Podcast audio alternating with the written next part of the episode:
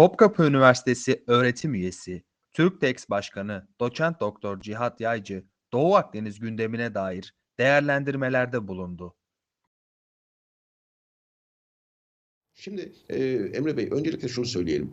E, e, Türk e, ben şu senaryonun hayata geçtiği e, ya da kurgulandığı kanaatindeyim. E, biraz önce de söyledik. Türkiye Sevr'i reddederek Lozan'a gelmiştir ve Lozan Lozan Sevr'in yırtılması anlaşmasıdır. Ancak Sevr hala bu büyük devletlerin akıllarındadır. Amerika Birleşik Devletleri'ne öncelikle şunu sormak lazımdır. Siz Lozan'ı imzaladınız mı? Hayır. İki, siz Lozan'daki sınırlarımıza saygı duyuyor musunuz? Siz Lozan statüsüne, dengesine bir itirazınız mı var? Bu soruların açıkça Amerika Birleşik Devletleri'ne sorulması lazımdır. Çünkü Lozan hem bizim hem Yunanistan'ın sınırlarını belli, belirleyen anlaşmadır. Sadece Türkiye'nin değil. Lozan Barış Anlaşması birçok ülkenin sınırlarını belirleyen anlaşmadır. O nedenle Lozan Anlaşması böyle sıradan bir anlaşma ve sadece Türkiye'yi bağlayan bir anlaşma değildir. Ancak Türkiye'nin bu sev hayallerine, sev hedeflerine ulaşmak isteyen devletlerin Türkiye'nin parçalanması, Türkiye'nin Türkiye'ye müdahale edilmesi, Türkiye'nin işgal edilmesi planları içerisinde olduklarını ben bu gelişmeler çerçevesinde değerlendiriyorum. Bir kere konuya uzun vadeli bakmak lazımdır. Eskiden biliyorsunuz 7'ye 10 oranı vardı. Evet. Yani Amerika Birleşik Devletleri'nin askeri yardımında Yunanistan'a 7 verilirken Türkiye'ye 10 verilirdi. Şimdi bırakın bu oranı 10-0 olmayı 10 eksi olduk biz. Yani daha doğrusu 7 eksi olduk. 7 eksi olduk. 7-0 değil 7 eksi olduk. Ona 7'den 7 eksiye döndük. Şimdi Türkiye NATO'nun bir üyesi. Amerika'nın müttefiki. Aynı zamanda Yunanistan'ın da müttefiki. Ve Amerika Birleşik Devletleri buraya binlerce silah, mühimmat yığdı. Ve üstüne üstlük sadece Yunanistan'a değil, Güney Kıbrıs Rum yönetimine de ambargoyu kaldırdı. Ambargoyu kaldırmakla da kalmadı, silah hibesi yaptı. Silah hibesi yapmakla da kalmadı, onları eğitiyor şu anda. Bir de Güney İran'ı Kıbrıs Rum- karıştırıyor değil mi Sayın Yağcı? Diğer taraftan da İran'ı karıştırıyor şu anda iç protestolar. Evet, şimdi şimdi düşünün. Şimdi durum şudur. Durum çok net gözüküyor. Etrafımız bir ateş çemberine alınıyor. Onu hep söylüyoruz. Ve Yunanistan karasularını arttırma girişimi Türkiye'nin kabul edilmeyeceği bir durumdur. Yunanistan'ın karasularını 6 milden 7 mile çıkarması, bakın bunu mutlaka kamuoyuna kamuoyuna yerleştirmemiz lazım. Kamuoyunun bilmesi lazım. Bırakın 12 mile. Yunanistan karasularını 6 milden 7 mile yani 1 mil arttırdığında Türkiye'nin Adalar Denizi'ndeki mavi vatanının yüzde 13'ü Yunanistan'ın oluyor. Şimdi denizler de karalar kadar önemli olduğuna göre Türkiye'nin kara ülkesinin yüzde 13'ünün Yunanistan'a verilmesi düşünülebilir mi? Düşünülemez. O zaman mavi vatanın yüzde 13'ünün Yunanistan'a verilmesi kabul edilebilir mi?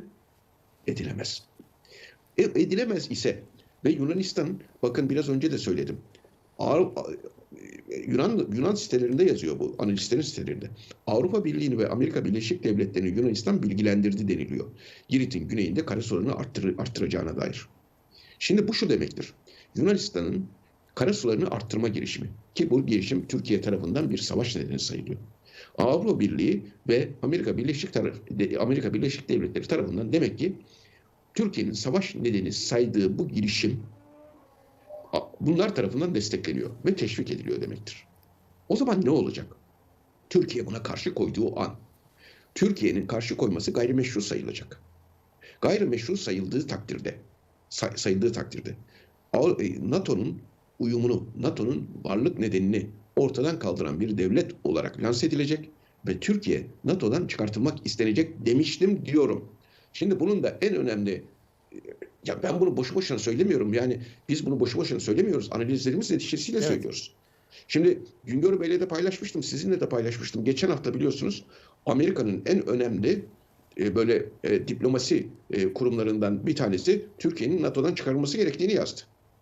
Yani yavaş yavaş dillendirilmeye başlanıyor değil mi? Yani E, Bunu önce de söylemişlerdi ama şimdi Amerika'nın diplomasi kurumlarından bir tanesi yazdı. Bir kere e, Türkiye'nin e, NATO'dan çıkartılması durumunda bir kere Güney Kıbrıs Rum yönetimi ve İsrail hemen NATO'ya alınacak. Neden? çok Çünkü kimse bilmiyor. Böyle herkes afaki konuşuyor. NATO şöyledir, NATO böyledir. Bakın bugün İsrail NATO'da değilse, Güney Kıbrıs Rum yönetimi NATO'da değilse bunun tek sebebi vardır. Türkiye'nin NATO üyeliği. Çünkü Türkiye NATO üyeliğini bunların veto ediyor. Yani eğer Türkiye çıktığı gün Güney Kıbrıs Rum yönetimi ve İsrail NATO'ya alınır. Güney Kıbrıs Rum yönetiminin NATO'ya alındığı gün Türkiye bir NATO üye, o arada Türk-Yunan savaşı çatışması çıkmış olacak. Türkiye NATO'dan çıkartılmış olacak. Türkiye NATO'dan çıkartılıp ertesi gün Güney Kıbrıs Rum yönetimi alelacele bakın sakın şöyle düşünmeyin. Efendim bunun bir süreci var. Bu böyle uzar gider. Hayır. Güney Kıbrıs Rum yönetimini ertesi gün alırlar. Ertesi gün alırlar. Hiç ya Ukrayna gibi falan düşünmeyin. Olağanüstü bir toplantıyla olağanüstü bir He. toplantıyla alırlar. alırlar. Aldıkları gün Güney Kıbrıs Rum yönetiminin topraklarını bir NATO üyesi devletin topraklarını işgal eden NATO üyesi olmayan bir devlet Türkiye olur. O zaman NATO'nun 5. maddesi yürürlüğe sokulur. Ve Türkiye'ye şu söylenir. Derhal Kıbrıs'ı terk et. Terk etmezsen ben sana terk ettiririm. Birincisi bu. İkincisi ya bugün Amerika Birleşik Devletleri Türkiye'nin Suriye operasyonunu PKK-YPG'ye yaptığı operasyonu protesto etmiyor mu? Ediyor. Ve taziye mesajları yayınlamıyor mu? Yayınlıyor. Orgeneral rütbesindeki adamlar bunlara gidip el sıkışmıyor mu? Hatta Trump bu eşkıya başıyla komutan diye görüşmedi mi? Telefonla. Hatta hatta tatbikatlar yapmadılar mı? Yaptılar. O zaman bunlar bizim müttefikimiz demiyorlar mı? Müttefikimiz diyorlar. Türkiye'nin artık PKK, YPG, PYD neyse işte isimleri bu türevlere operasyon yapması NATO'nun müttefiklerine operasyon yapması anlamına gelir ki Sırbistan gibi bize müdahale ederler. Şimdi bu resmi bu resmi çok iyi görmek lazımdır. Yani böyle serin serin rahvan rahvan gitmemek lazımdır. Efendim biz NATO'dan çıkarsak başka bir yere yok öyle bir yer. Yok öyle bir yer. Var mı öyle bir yer? Dünyada NATO'dan çıktığımız an bizi NATO'ya karşı koruyabilecek bir yer var mı? Var mı? Ya ne Ya Rusya bugün- var, ne AGİT var, ne başka ne başka örgüt var, ne de kolektif NATO- güvenlik örgütü anlaşması var. Varşova Paktı gibi bir pakt yok artık. Yani Varşova Paktı gibi bir pakt yok. Ve düşünün Suriye, Suriye'nin en yakın müttefiki hamisi kim? Rusya. Rusya. Peki Rusya hamisiyken yanı başında aynı topraklarda kim var? Amerika. Amerika. Rusya, Rusya Suriye'yi Amerika'ya karşı koruyamıyor bile. Gördünüz mü? Bizi nasıl Yani koruyacak? bu- Soru işareti. Bu, bu real politik durumu görmek lazımdır. Bu real politik, bu gerçekçi politik durumu görmek lazımdır. Ukrayna Efendim Savaşı biz- var Can. Gözümüzün Ukrayna- önünde bir Tabii. Ukrayna Savaşı var. Evet Ukrayna savaşı var. Ukrayna yem oldu gitti işte. Tabii, ne oldu? Olan Ukrayna'ya oldu. Şimdi diyorlar ki masaya oturun, görüşün. Ukrayna işte sen ver, bilmem ne ver. O noktaya geldi. Ta başından beri söylediğimiz noktaya geldi. Macron dün söyledi. Toprak vermeli dedi. Aynen, aynen. Bakın bu- bunu Güngör Bey gayet iyi yakından bilir. Başından beri aynı şeyi söylemedik mi? Olacak şey budur diye. En sonunda işte tüm hem de bu başarı olarak lanse edecektik. İşte Rusya Ukrayna'nın tümünü ele geçiremedi. Zaten Rusya'nın böyle bir hedefi yoktu ki. Bunu başarı olarak lanse edecekler. Ve bak bizim yaptırımlar çok etkili oldu. Sadece Doğu'yu verdik. Zaten Doğu'da fiilen zaten Rusya'nın Rusya, elindeydi. aynen. Falan diyecek. Ve bunu bir başarı olarak lanse edecekler. Şimdi şimdi böyle biz milli açıdan bakmalıyız olaylara. Yani iktidarıyla muhalefetiyle Ankara merkezli bakmalıyız diyorum hep. O zaman şunu görmemiz lazım. Bizim NATO üyeliğimiz, bakın çok önemli. Bunu bir motto haline ge- getirdim ben öğrencilerimle beraber. Bizim NATO üyeliğimiz bizi NATO'ya karşı, Amerika'ya karşı ve Rusya'ya karşı koruyor. Yani NATO üyeliğimiz bizi Amerika'ya karşı koruyan, yani müttefiye karşı koruyan bir şemsiye aslında. Şimdi bunu bunu unutmamak lazımdır. Ve Amerika'nın Amerika'nın üslerini Yunanistan'a taşıdığı gerçeğini de unutmamak lazımdır. Yani Yunanistan, Yunanistan doğu sınırı, Batı'nın doğu cephesi Türkiye'den alındı, Yunanistan'a taşınıyor. Şimdi o zaman buna karşı tedbirli olmak lazımdır. Ve testi kırılmadan ses çıkartmak lazımdır. Testi kırılmadan Türkiye'nin tezlerini ortaya koymak lazımdır. Buradan bir kez daha çağrı yapıyor. Tüm vatanperver partilere. Diyorum ki Türkiye Büyük Millet Meclisi'nde 1995'teki Yunanistan'ın karasularını 6 milin üzerine çıkartılmasına tahammülümüz olmaya, olmadığı ve kabul edilemeyeceğini yazılı, imzalı bir deklarasyona çevirelim. Yani bunun bunun bir an önce yapılması lazımdır. Bugün 1995'ten bugüne kadar bugüne kadar Yunanistan karasularını niye arttırmadı derseniz Türkiye bir silah mı kullandı? Türkiye bir çatışma mı çıkardı? Hayır bir karar aldı Bak, meclis. Bir meclis kararı Türkiye Büyük caydırmıştır. Millet Meclisi'nin aldığı karar. Millet Meclisi'nin kararı. Şimdi bakın ben hep tekrar ediyorum. Ben bir asker kökenli akademisyen olarak siz benim ağzımdan hiç askeri tedbir uygulanması sözünü duydunuz mu? Asla söylemem. Asla. Çünkü askeri tedbir en son, Son başvurulacak husustur. Onun için önce hukuki ve diplomatik argümanlarımızı kullanmalıyız. Ama bizim en önemli eksikliğimiz, ben gene Güngör Bey'in dediğine geliyorum. En önemli eksikliğimiz bizim hukuk ve diplomasiyi kullanamamamız. Daha doğrusu enstrümanları, elimizdeki enstrümanları tespit etmememiz Ve paylaşamamamız. etmek, kullan, kullanmamamız. Yani bunu, bunu anlamış değilim. Bunu anlamış değilim. Şimdi şöyle düşünmek lazım. Yunanistan'ın yani Yunanistan'la Türkiye rolleri değişse 1947'de Yunanistan yani Türkiye Yunanistan olsa Yunanistan Türkiye olsa Yunanistan ortalığı ayağa kaldırır şimdi ya. Adaları silahlandırsak biz. Askerileştirsek. Yunanistan dünyayı ayağa kaldırır. Şimdi efendim bu bir güç meselesi. Bakın güç meselesi derken şu gerçekliği görelim. Allah aşkına iğneyi kendimize bir batıralım ya. Bir batıralım. Çuvaldızı yani kendimize bir batıralım daha doğrusu. O da şu. Güney Kıbrıs Rum yönetimi. Donanması mı var? Yok. Kara kuvvetleri, hava kuvvetleri mi var? Ama adam resmen bizi Sevilla haritasının dışına çıkarttırmıyor. Neyle çıkarttırmıyor? Diplomasiyle. Diplomasi. Diplomasiyle. Ya biz bizim niye diplomasimiz bu kadar zayıf? Niye? Bakın ben size bir şey söyleyeyim. Libya, Libya kamuoyunda, Libya kamuoyunda, Libya'dan ziyaretçiler geliyor.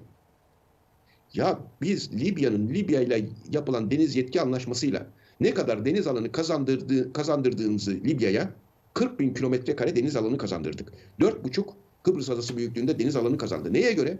Yunanistan'ın teklifine göre. Yunanistan'la anlaşma yapmış olsaydı bu alan Yunanistan'ın olacaktı. Şimdi Türkiye ile anlaşma yaptığı için trilyonlarca dolarlık hidrokarbonların olduğu yer Libya'nın oldu. Ya Libyalılar hala Türkiye'nin kendilerini kandırdığını, deniz alanlarının çaldığını düşünüyor.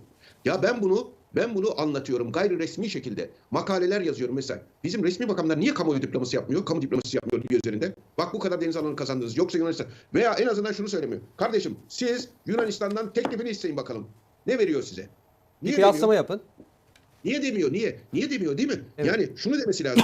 Dışişleri çıkıp Libya açıkça Yunanistan'a sorun. Ne kadar sınır siz, si- benimle sizin aranızdaki sınır ne olmalıdır diye sorun ve Türkiye Türkiye ile çizilen sınırla karşılaştırın. Bu kadar basit. Bu kadar basit. Ha inanılmaz yani. Bakın Türkiye Mısır Mısır'la Yunanistan arama kurtarma sahası anlaşması yaptı 3 hafta önce. Arama kurtarma sahası anlaşması yaptı. Türkiye'nin arama kurtarma sorumluluk sahası Yunanistan'ın kabul edildi bu anlaşmada. Mısır tarafından. Siz Dışişleri Bakanlığı'ndan bu anlaşmaya bir tepki duydunuz mu? Duydunuz mu? Duymadınız. Duymadık. Peki Dışişleri Bakanlığı Mısır'ın münasır ekonomik bölgesinin geçen hafta batı sınırını ilan ettiği hatta karşı bir tepkisini duydunuz mu?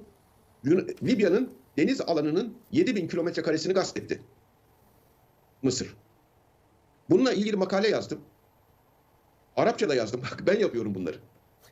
Beni Mısır'ın, e, Libya'nın doğu, doğu bakın doğu, Güngör Bey, doğu tarafı. Doğu tarafı bana telefon açtı. Ya amiralim bunu bize izah eder misiniz? Bizim deniz alanımız nasıl çalındı diye. Ya doğu, Türkiye- doğu tarafı derken Hafter'in tarafı. Tabii. Tobruk Meclisi ve Hafter. Ya şimdi peki bunu Türkiye'nin kamu diplomasisiyle anlatması lazım değil mi? Yoğun şekilde dış politikamızda buraya çalışmamız lazım değil mi? Bunlar bize zemin kazandırmaz mı Doğu Akdeniz'de? Libya'nın birlik bütünlüğü için zemin kazandırmaz mı? Alan Yok açacak alan açacak faaliyetlerde maalesef e, biraz zayıf kalıyoruz. Ben kimim ya? Ben ben emekli bir amiral, bir akademisyenim. Ben çırpınıyorum. Ben çırpınıyorum. Yani birisi mesela dese ki kardeşim sen sen git bunları Libya'nın doğu tarafına da anlat desin. Ne olur yani Türkiye ne kaybeder? Veya birileri gitse anlatsa. Evet gerçekten Şimdi- Yani gerçekten Lib- Libya, Güngör Bey, Libya gazetesine makale yazıyorum ama o batıya hitap ediyor. O birazcık birazcık Libya'da kamuoyu uyandırdım. İşte bilmem şurada yayınlamaya çalışıyoruz. Türkdex'te yayınlıyoruz. O Türkdex'teki o Arapça yayınlamaya çalıştık. O Arapçalar etkili oldu. Onun üzerine zaten aradılar. Oralara ulaşmaya çalışıyoruz. Şimdi bunların bizim Türkiye'nin gerçekten gerçekten çok aktif bir diplomasiye sahip olması. Ya bugün HDP'liler gitti dün. Korkunç bir şey değil mi? Ya bunlardan medet umanları da kınıyorum. İktidarı da muhalefeti de kınıyorum. Ya bak eğer bunlarla bunlardan medet umanlar varsa gerçek Türk vatanperveri değildir. Neden? O HDP'li heyet gitti. Takip ettiniz mi bilmiyorum. Şeye gittiler. Tobruk'a gittiler. Hafter Hafter'le. evet. yönetim. Libya'nın Geleceği Partisi ile toplantı yaptılar ve bir bildiri yayınladılar. Türkiye'nin Libya ile yaptığı deniz yetki alanlarını tanımıyoruz diye yayınladı biliyor musun HDP? Libya ile yaptığı deniz yetki alanları anlaşmasını tanımıyoruz dedi. Protesto ediyoruz dedi. Ve bu Türkiye'de bir parti. Ve mecliste temsili temsil edilen bir parti. Dünya- dünyanın hiçbir yerinde böyle bir ihanet kabul edilemez. Sen sınırı tanımıyorum diyorsun. Sınır bu ya. Ha deniz sınırı, ha kara sınırı. Ülkenin sınırını tanımıyorum diyorsun. Bilmiyorum yani birileri bir şey yapacaktır herhalde. Çünkü bu ülkenin sınırıdır. Ülkenin sınırın konusunda tartışma yapılabilir mi ya? Emre Bey çok haklısınız. Bakın şunu şunu şunu kafamıza yazmamız lazım. Ülkenin deniz sınırı da kara sınırı gibidir. Kara sınırını nasıl tartışamazsanız deniz sınırını da tartışmayacaksınız. İmzalanmış, olmuş, bitmiş, mecliste kabul edilmiş ve Birleşmiş Milletler'e bildirilmiş bir sınırdan bahsediyoruz. Bu saatten sonra bundan geri adım atanları da zaten tarih affetmez zaten. O da ayrı bir mesele. Evet. O ayrı bir mesele. Evet. Çünkü e, biz daha Türkiye'nin kıta sahanlığı haritası eksiktir. Yanlış demiyorum bakın. Eksiktir. Eksiktir. Neden? Çünkü Libya ile olduğu gibi Türkiye'nin karşılıklı kıyıları aynı şekilde Filistin ve İsrail'le de vardır. Ve ben bu 462 bin kilometre karelik deniz yetki alanını, Türkiye'nin mavi vatanını çizdiğim haritada bu zaten bu gerçeklik ortadadır. Hukuken de bu gerçeklik ortadadır. Hatta bunu bunu anlatmak için ya işte yani gerçekten böyle çalışıyoruz. Tel Aviv Üniversitesi'nde bilimsel makale yayınladım ben bundan bir buçuk sene önce. İsrail ayağa kalktı. Biz nasıl bu alanları kaybettik diye. Türkiye ile niye anlaşma yapmadık diye zamanında. 2010 anlaşmasını Güney Kıbrıs Rum yönetimiyle yaptık diye. Evet. Şimdi Türkiye'nin bu Mavi Vatan, Doğu Akdeniz'deki Mavi Vatan haritasının bir kere bizim çizdiğimiz haritanın ki resmi ağızlar, en üstteki resmi ağızlar 462 bin kilometre kareyi kullanırlar. 462 bin kilometre kare böyledir. Böyle hesaplanmıştır. Ve haritada ortadadır. Tamamen hukuki bir haritadır. İsrail ve Filistin'le karşılıklı kıyılarımız olduğu gerçeğiyle haritanın o kısmını Dışişleri Bakanlığı Libya gibi, Libya gibi. Herkes de masada tartışır. Hatta bir büyükelçi, genel müdür seviyesindeki büyükelçi, şimdi başka bir yere hem de olmadık bir yere büyükelçi olan şahıs Türkiye'nin Amerika'ya gidip Türkiye'nin İsrail'le karşılıklı kıyıları olmadığını düşünüyorum dedi resmi olarak. Bunu bir bürokrat bu. Bir bürokrat siyasi iradenin yerine konuşamaz. Evet. Siyasi iradenin siyasi manevra alanını kısıtlayamaz ama kısıtladı. Kimse de bir işlem yapmadı. Şimdi İsrail'le karşılıklı kıyımız olduğu gerçeğinden hareketle baktığımızda bu milyonlarca, e, e, trilyonlarca, trilyonlarca e, metreküplük bulunan bu doğalgaz aslında Türkiye'nin deniz yetki alanındadır. Deniz yetki alanının bir kısmının içindedir. 6. parsel. Ve Güney Kıbrıs Rum yönetimi düzeltiyorum. Kuzey Kıbrıs Türk Cumhuriyeti'nin verdiği ruhsat alanı içerisindedir aynı zamanda. Siz peki buna karşılık biz çok yüksek sesle haykırdık. Şimdi burada gaz bulundu. Gaz bulunmadan önce burada sondaj yapıldı. Sondaj yapılmadan önce sismik araştırma yapıldı. Dedik ki Türkiye buna karşı çıkmalıdır. Türkiye buna karşı çıkmalıdır dedik. Kimse karşı çıkmadı. Şimdi gaz bulundu. Hala Türkiye'nin bir tepkisi yok. Türkiye'nin iki yükümlülüğü vardır resmi ağızlardan açıklanan. Birincisi Türkiye'nin deniz hak ve menfaatlerini korumak, kollamak. E o zaman Türkiye'nin deniz yetki alanı içerisinde burası. Ona Evet. bir kere ses çıkartmamız lazım. Hadi diyelim ona ses çıkartmadın. İkincisi neydi? Kuzey Kıbrıs Türk Cumhuriyeti'nin ruhsat sahaları başta olmak üzere deniz hak ve menfaatlerini korumak. E burası doğrudan Kuzey Kıbrıs Türk Cumhuriyeti'nin Türkiye Petrolleri Anonim Ortaklığı'na verdiği ruhsat sahaları içerisinde. O ruhsat sahası içerisinde başkası şimdi gaz çıkartıyor. Bunu nasıl kabulleniyorsunuz? Buna niye ses çıkartmıyorsunuz? Bunu siyasi bilmez. Bakın bunu siyasi bilmez.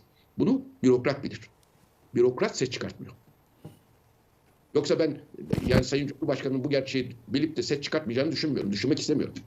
Yani çünkü ve Sayın Cumhurbaşkanı'nın şu sözlerine kesinlikle katılıyorum. Yunanistan'la Yunan, bundan sonra ben bu Mitsotakis'le görüşmem demesine katılıyorum. Eğer Mısır'la, Suriye'yle, e, efendim başka ülkelerle e, masaya oturup müzakere edilebilir. Destekliyorum da. Diyorum ki ya bunlarla görüşmek lazımdır. Bunlarla ilişkiyi düzeltmek lazımdır. Çünkü bunların doğrudan Türkiye'den bir talebi yok. Anlaşmayı ihlal etme durumu yok. Anlaşmayı ihlal etme durumu yok. İlişkiler sadece bozuk. Ama Yunanistan Lozan ve Paris Barış Anlaşmalarına aykırı olarak adaları silahlandırıyor, askerileştiriyor, karasularını arttırmaya kalkıyor, kendisine ait olmayan adalara sahipleniyor. Şimdi dolayısıyla karasuların ötesinde hava sahası uygulaması yapıyor. Karasuları 6 milken 10 mil hava sahası uygulaması yapıyor. Bunların Yunanistan anlaşmalara uyar hale gelmeden müzakereye oturulmasını kesinlikle kabul etmem. Evet. Yani Yunanistan'ı Suriye ile ve Mısır'la eşit seviyede tutmak mümkün değildir. Önce Yunanistan anlaşmalara uyar hale gelmelidir müzakere edilebilmek için. Türkiye'nin bir şartı olmalıdır. Türkiye şu şartı ben seninle müzakere ederim ama önce sen anlaşmalara uyar hale gel. Evet. Anlaşmalara uyar hale gelmesi için müzakere olmaz.